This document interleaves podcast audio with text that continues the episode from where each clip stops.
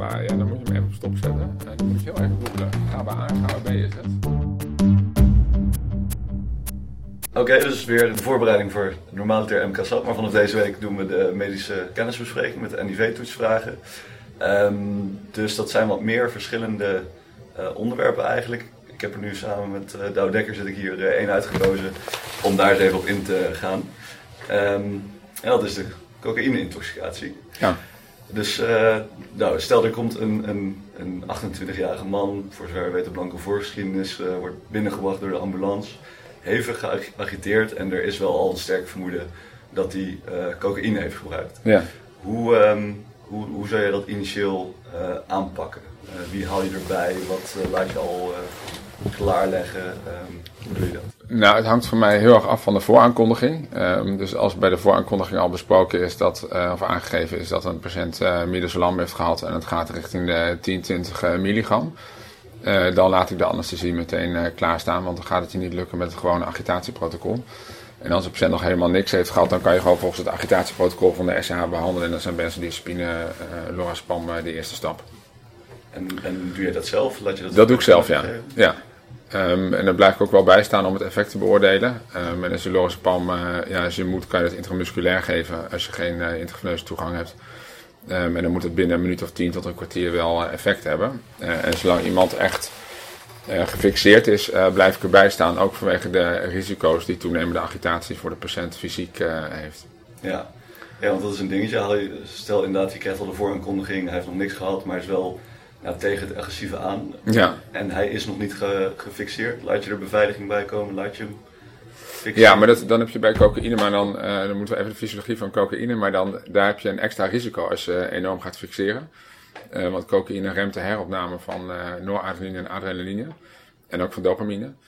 Um, en hoe meer adrenaline en noradrenaline je zelf vrijmaakt, um, hoe ernstiger dus de toxiciteit van cocaïne. Anders gezegd, als je geen adrenaline en geen noradrenaline vrijmaakt, dan is het ook geen probleem dat je het niet heropneemt. Dan heb je eigenlijk ook helemaal geen toxiciteit. Dus hoe agressiever je iemand maakt en met hoe meer man je erop duikt, hoe meer gestimuleerd hij raakt en hoe ernstiger de cocaïne-toxiciteit ook wordt. Uh, dus als je iemand moet fixeren, en soms moet dat, dan moet dat zo kort mogelijk zijn. Um, en je moet dus ook snel doorpakken met sederen.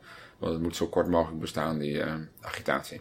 Ja, dus je geeft lorazepam, 4 milligram IM. Ja. Eerste keer, je wacht 10 minuten. Ja. Als het dan niet beter wordt, of in ieder geval nog niet voldoende uh, kalmerend werkt? Wat doe je dat? Ja, volgens het protocol kan je dan 4 milligram uh, lorazepam geven inderdaad. Maar ik zou denk ik in het specifiek geval van cocaïne-toxiciteit, um, waar je echt snel iemand onder controle wil hebben, zou ik het één keer proberen en daarna de anesthesie vragen om met een wat uh, kortere klap, zal ik maar zeggen, een patiënt te sederen. Ja, Ja. dat is gewoon echt helemaal weg Ja, ja, daar zou ik niet al te lang mee wachten. Nee. Nee. Oké, nou, stel we zitten in die situatie. Iemand is dan wel rustig door je lorazepam, dan wel. Hij ligt nu gewoon helemaal uh, aan de beademing. Ja, Um, dan ga je natuurlijk je volgende stap. Je gaat uh, uh, je, je controles doen. ja, Um, en dan is een van de dingen waar je bang voor bent, een enorme hypertensie. ja. Stel deze patiënt heeft dat. Die heeft een tensie van uh, 220 over nog wat. Um, is dat nog iets wat een na-effect kan zijn van de agitatie? En moet je dus, ik weet niet, nog een keer meten? Of ga je daar meteen op in? Nou de grap is eigenlijk, er geldt eigenlijk hetzelfde voor als uh, voor die agitatie. Dat uh, die hypertensie ontstaat natuurlijk ook door een overschot aan uh, adrenaline en noradrenaline. Um, en als je dat met sedatie adequaat aanpakt, omdat iemand dan zelf niet meer produceert, dan zal je, als het goed is, ook zien dat de bloeddruk stukken lager wordt en dat de tachycardie ook afneemt. Dus adequate sedatie is daar eigenlijk ook de behandeling voor. Um, en als iemand echt fors hypertensief blijft, dat is opvallend als, dat, uh, als iemand heel adequaat en goed gesedeerd is. Dat zou eigenlijk moeten, nou normaliseren misschien een beetje te veel gezegd, maar het zou echt stukken beter moeten worden door sedatie alleen al. Ja, dus eigenlijk zou je bijna nooit ook nog antihypertensiva nodig moeten hebben. Nee, tenzij iemand natuurlijk een, uh, een mengintoxicatie heeft en iets anders heeft ingenomen wat volgens een ander uh, mechanisme werkt. Want er zijn ook veel nieuwe psychoactieve stoffen die echt zelf receptoractiviteit hebben. Um, ja, en dan heb je geen eigen adrenaline of noradrenaline nodig uh, om toch vasoconstrictie bijvoorbeeld perifere te krijgen. En die mensen die moet je natuurlijk wel behandelen. Uh, vaak dan bijvoorbeeld met vaatverwijders als het je niet lukt met sedatie. Mm -hmm. Zoals met uh, glycerine. Ja, bijvoorbeeld. Ja. ja. En nooit met een beta-blokker. Ja, daar is discussie over, over de beta-blokker. Okay. Maar dat is wel grappig. Dat is het uh, unopposed alpha effect, wat ook bij een VO altijd uh, wordt genoemd. Yeah. Ehm, en de reden daarvan is, je hebt alpha-1 receptoren um, en beta-1 en beta-2 receptoren. Beta-1 receptoren zitten in het hart, die verhogen je contractiliteit, je frequentie. En de beta-2-receptoren die zijn um, relaxerend op uh, glad spierweefsel niveau. Die zitten in je bronchiën, daardoor krijg je bronchodilatatie als je sympathicometrisch gestimuleerd bent. Maar die zitten ook in je coronaire, uh, dus die geven ook verwijding van coronairvaten. En de alpha-1-receptor die werkt vaatvernauwend en die zit vooral perifeer, daar word je bleek van als je sympathicometrisch gestimuleerd bent. Uh, maar die zitten ook in je coronaire. En het idee is dat als je iemand een beta-blokker geeft, dat je dan de beta-2 verwijdende effecten antagoneert. Maar dat je niks doet met uh, alpha-1 vernauwende effecten. En dat je daardoor een soort uitsluitend vernauwend effect overhoudt. Waardoor je coronaire vernauwen um, en je ook perifeer eigenlijk alleen maar vernauwende effecten over hebt. En dan kan um, de bloeddruk zelfs gaan stijgen of kan ischemie uh, in het hart toenemen. Dat is de theorie. Uh, maar er is eigenlijk heel weinig onderzoek en bewijs voor. iedereen roept het altijd dat je nooit een beta-blokker moet geven. Uh, maar als je naar de NVC-richtlijnen kijkt, kan je dat in hele ernstige gevallen wel overwegen. En er wordt geadviseerd om een heel kortwerkende beta-blokker te doen. Zodat je ook snel uh, het kan stoppen um, als je ziet dat het uh, effect er averechts van is. Oké, okay, leuk. Misschien nog een keertje voor een vraag van de week ja. om dat in kaart te brengen. Ja. Um, Oké, okay. het tweede wat je, waar je volgens mij over het algemeen bang voor bent, is de hyperthermie. Ja. Um, geldt er hetzelfde voor? Dat moet verbeteren zodra je iemand gewoon goed. Uh, ja, het is een simpel vak, de toxicologie.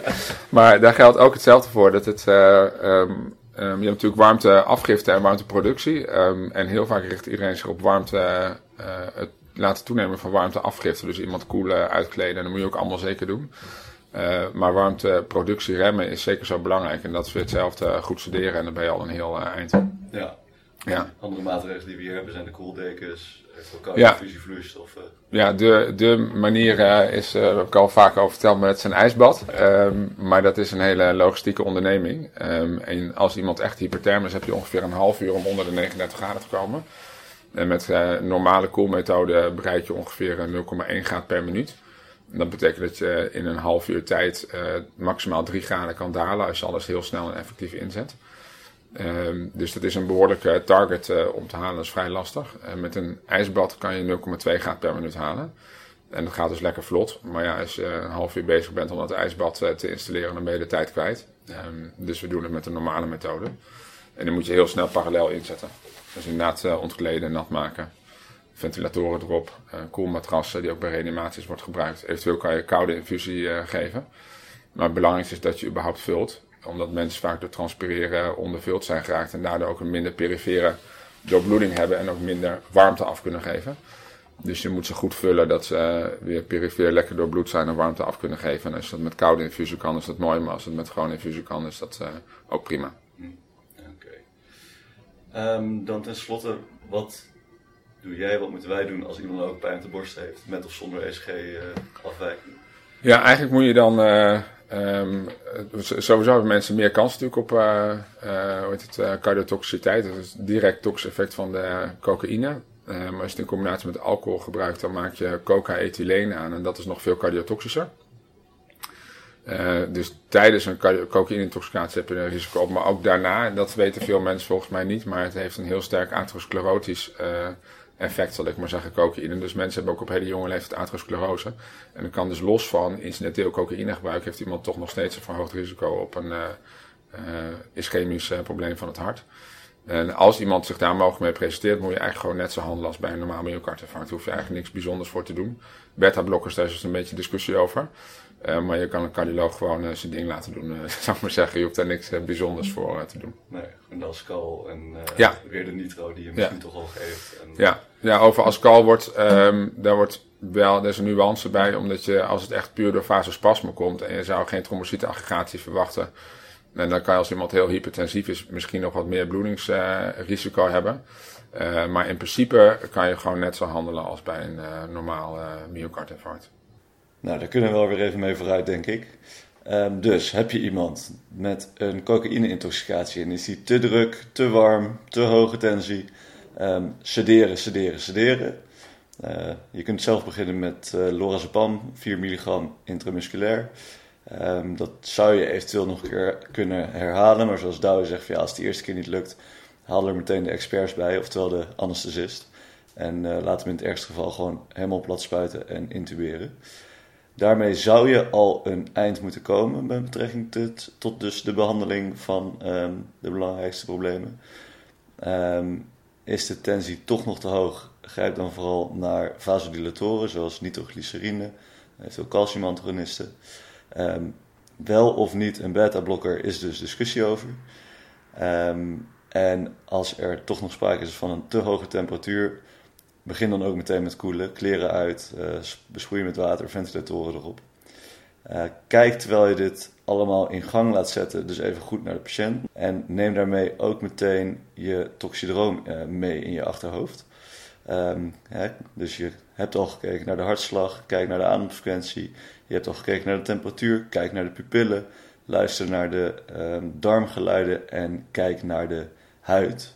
Bij het sympathicomimetische toxidroom dat je verwacht bij cocaïne, bij amfetamines, is alles hoog of groot. Hè? Dus een hoge hartslag, hoge tensie, snelle ademhaling, hoge temperatuur, grote pupillen, uh, levendig uh, darmgeluiden en uh, veel zweetproductie. Um, en dus de belangrijkste, het belangrijkste toxidroom wat je moet onderscheiden is het anticholinerg toxidroom waarbij ook de hartslag en tensie hoog kunnen zijn. De ademfrequentie, um, klassiek gezien, onveranderd is. De temperatuur is ook hoog, pupillen zijn ook groot, maar een belangrijk verschil is dus dat bij een sympathicomimetisch toxidroom de pupillen wel reageren op licht, terwijl bij een anticholinerg toxidroom ze niet uh, vernauwen op licht. En verder heb je dus bij een anticholinerg toxidroom juist verminderde peristaltiek en verminderde zweetproductie. Uh, aan de andere kant van het spectrum, stel uh, er wordt tegelijkertijd iemand binnengebracht uh, en die is juist helemaal oud eigenlijk, reageert ja. niet, ademt traag. Ja. Um, vermoeden van GHB, maar ja, je weet het eigenlijk gewoon niet zeker. Hoe pak je dat aan? Nou, het belangrijkste bij intoxicatie is eigenlijk gewoon uh, ABCDE. en niet te veel laten leiden door het verhaal wat je erbij verteld krijgt, want vaak klopt het gewoon niet. Uh, dus je moet de patiënt uh, goed nakijken. En dan zal, als het een GHB-intoxicatie is, zal je opvallen dat die uh, patiënt eigenlijk relatief stabiel is. je kan bij hele ernstige overdoses ook wel bradypneu krijgen. maar meestal valt het mee en is een patiënt gewoon heel ver weg. Um, en verder qua vitale parameters stabiel. Dus is een patiënt echt enorm aan het hyperventileren, um, ja, dan moet je bijvoorbeeld beducht zijn voor opiatintoxicatie. Dus je moet natuurlijk ook even naar de pupillen kijken. Als pinpoint pupillen ziet, past ook niet bij GHB. Nee, dus er geldt eigenlijk hetzelfde voor als bij cocaïne, dat je even moet verifiëren in de ABCD of het echt het beeld van GHB is. En als dat zo is, um, ja, dan moet je zorgen dat de ademweg uh, vrij is en dat iemand niet braakt. En dan is natuurlijk discussie of je moet intuberen of niet. Um, en um, nou, de praktijk is eigenlijk dat als het echt een GHB-verhaal is en alles past erbij, dat je iemand een stabiele zijligging bewaakt uh, totdat hij uit zichzelf wakker wordt. Ja. En dan uh, de SH kan verlaten. Ja, precies. Soms ook weer met de nodige onrust. Ja, ja want je, bij het wakker worden heb je vaak uh, een paar minuten van agitatie. Um, en dan moet je uh, ja, differentiëren tussen een verslaving, waarbij iemand ja, echt GHB-ontwenning heeft en je GHB zou moeten toedienen. En gewoon de tussen aanhalingstekens normale agitatie die je ziet bij het ontwaken uit de GHB-coma. Dus je kan het het beste even een paar minuten afwachten, die agitatie, voordat je bijvoorbeeld GHB en dat soort dingen begint toe te dienen. Want dan raak je in een visueuze cirkel, dan weet je niet meer wat je doet. Um, maar een beetje agitatie uh, kan je wel verwachten bij GHB uh, coma, bij het ontwaken ja. En kunnen we die mensen eigenlijk laten gaan dan? Als, hoe, zit dat, hoe zit dat vanuit een, een, een psychiatrisch oogpunt? Ja, dat is wel interessant. Ik, ik heb wel eens, een, als je het echt een verslaafde GHB-patiënt hebt, um, die raakt binnen uren, um, kan hij in een onttrekkingsdelier raken, wat potentieel ook uh, letaal is. Die mensen moeten om de twee tot drie uur GHB hebben. En we hebben wel eens op de medium care een patiënt gehad die had uh, een GHB-verslaving. En die vond halverwege de nacht om uh, half drie dat hij uh, naar huis kon. En die dreigde ook het ziekenhuis te verlaten. En die had eigenlijk geen goed plan om GHB te krijgen. Hij woonde geloof ik ergens in de buurt van Arnhem. En hij zei, nou dan ga ik daar wel naartoe en dan neem ik het openbaar vervoer, terwijl natuurlijk geen trein rijdt s s'nachts. En toen hebben we besloten om die tegen zijn zin op de MC te houden, omdat we verwachten dat hij daarna ja, ergens tussen Utrecht en Arnhem een GHB-onttrekkingsbeeld zou krijgen. En daar vonden we dat we de plicht hadden om dat te voorkomen. maar in principe is natuurlijk als iemand, zodra iemand wilsbekwaam is, en dat vonden we deze patiënt niet. Maar als iemand wilsbekwaam is, dan is het zijn eigen probleem. En dan moet hij ook zelf die GHB ergens zien te vinden. Maar er zit wel, ja, je hebt er wel een verantwoordelijkheid dat je als je al voorziet dat iemand uh, in grote problemen raakt en hij ziet dat zelf niet in omdat hij wel onbekwaam is, dan moet je iemand houden. Um, wat wel een probleem is, want dat betekent dat je de GHB-onttrekking moet gaan behandelen. En uh, dan moet je gaan titreren en uh, kom je vaak ook in een enorme klus terecht. Dus het mooiste is als je een GHB-verslaafde patiënt um, zonder onttrekkingsverschijnselen zo snel mogelijk het ziekenhuis uitkrijgt, zodat hij weer toegang heeft tot zijn eigen GHB. Dus je moet ook op de eerste hulp uh, zo snel mogelijk behandelen. En als het even kan, uh, polyklinisch verder behandelen. Um, want hoe langer ze in het ziekenhuis zijn, hoe meer onttrekkingsverschijnselen ze kunnen krijgen. En uh, hoe groter, hoe lastiger het wordt om iemand weer te ontslaan. Ja, en bij GB is dus de behandeling van onttrekking meer GHB? Ja. Of, kun je daar ook nog met benzo's uitoefenen? Ja, je kan. Ja, de, de, de richtlijnen verschillen daar een beetje over, ook uh, tussen verschillende landen. Um, hier in Nederland hebben we nu het onttrekkingsprotocol waarin GHB wel een vrij uh, prominente plek heeft. Maar je kan bij milde verslavingen uh, eerst proberen met benzodiazepine de agitatie te behandelen. Maar de praktijk zal zijn dat dat vrij hardnekkig is omdat GHB op de GABA-B-receptor werkt. En um, de normale sederende middelen allemaal op de GABA-A-receptor werken. Dus je probeert eigenlijk een klinisch beeld wat ontstaan is door een onbezette GABA-B-receptor te behandelen met een massale overbezetting van een GABA-A-receptor. En dat blijkt in de praktijk niet heel erg fantastisch eh, te werken, om maar voorzichtig uit te drukken. Dus je hebt soms honderden milligram eh, benzo's nodig om, uh, om die agitatie onder controle te krijgen, terwijl je met titratie met GHB vaak wel vrij goed uitkomt. Um, dus ja, bij ernstigere verslavingen wordt geadviseerd om te titreren met GHB. En dan moet je eigenlijk op de eerste hulp meteen mee beginnen. Dus als iemand al met een onttrekkingsbeeld of een begin van op de SCH komt, is eigenlijk het eerste wat je moet doen. Zorgen dat hij GHB krijgt. En soms heeft iemand het zelf bij zich en dan laat ik het gewoon zelf innemen. Dan uh, moedig ik ze vooral aan om, uh, om het te nemen als ze dat nodig vinden. Uh, want dan weten ze ook dat de concentratie goed is en dan weten ze precies wat ze nodig hebben. Um, en soms hebben ze het niet bij zich en dan moet je titreren en dan kan je volgens dat NISPA-protocol doen. Kan je googlen, dat is uh, heel makkelijk te vinden. Het staat ook bij ons uh, op het intranet voor uh, binnen het UMC. Ja, en bij, bij GHB hoef je dus voor de rest eigenlijk weinig aandacht te besteden aan andere cardiovasculaire problemen. Dat zie je niet zozeer. Nee, je verwacht eigenlijk geen cardiovasculaire problemen, nee. Nou, een kind kan de was doen. Voor zover deze aflevering. Ik zal op de website een linkje zetten naar het NISPA-protocol. En uh, nog een overzicht van de verschillende toxidromen. En de rest uh, kunnen we woensdag bespreken. Tot dan!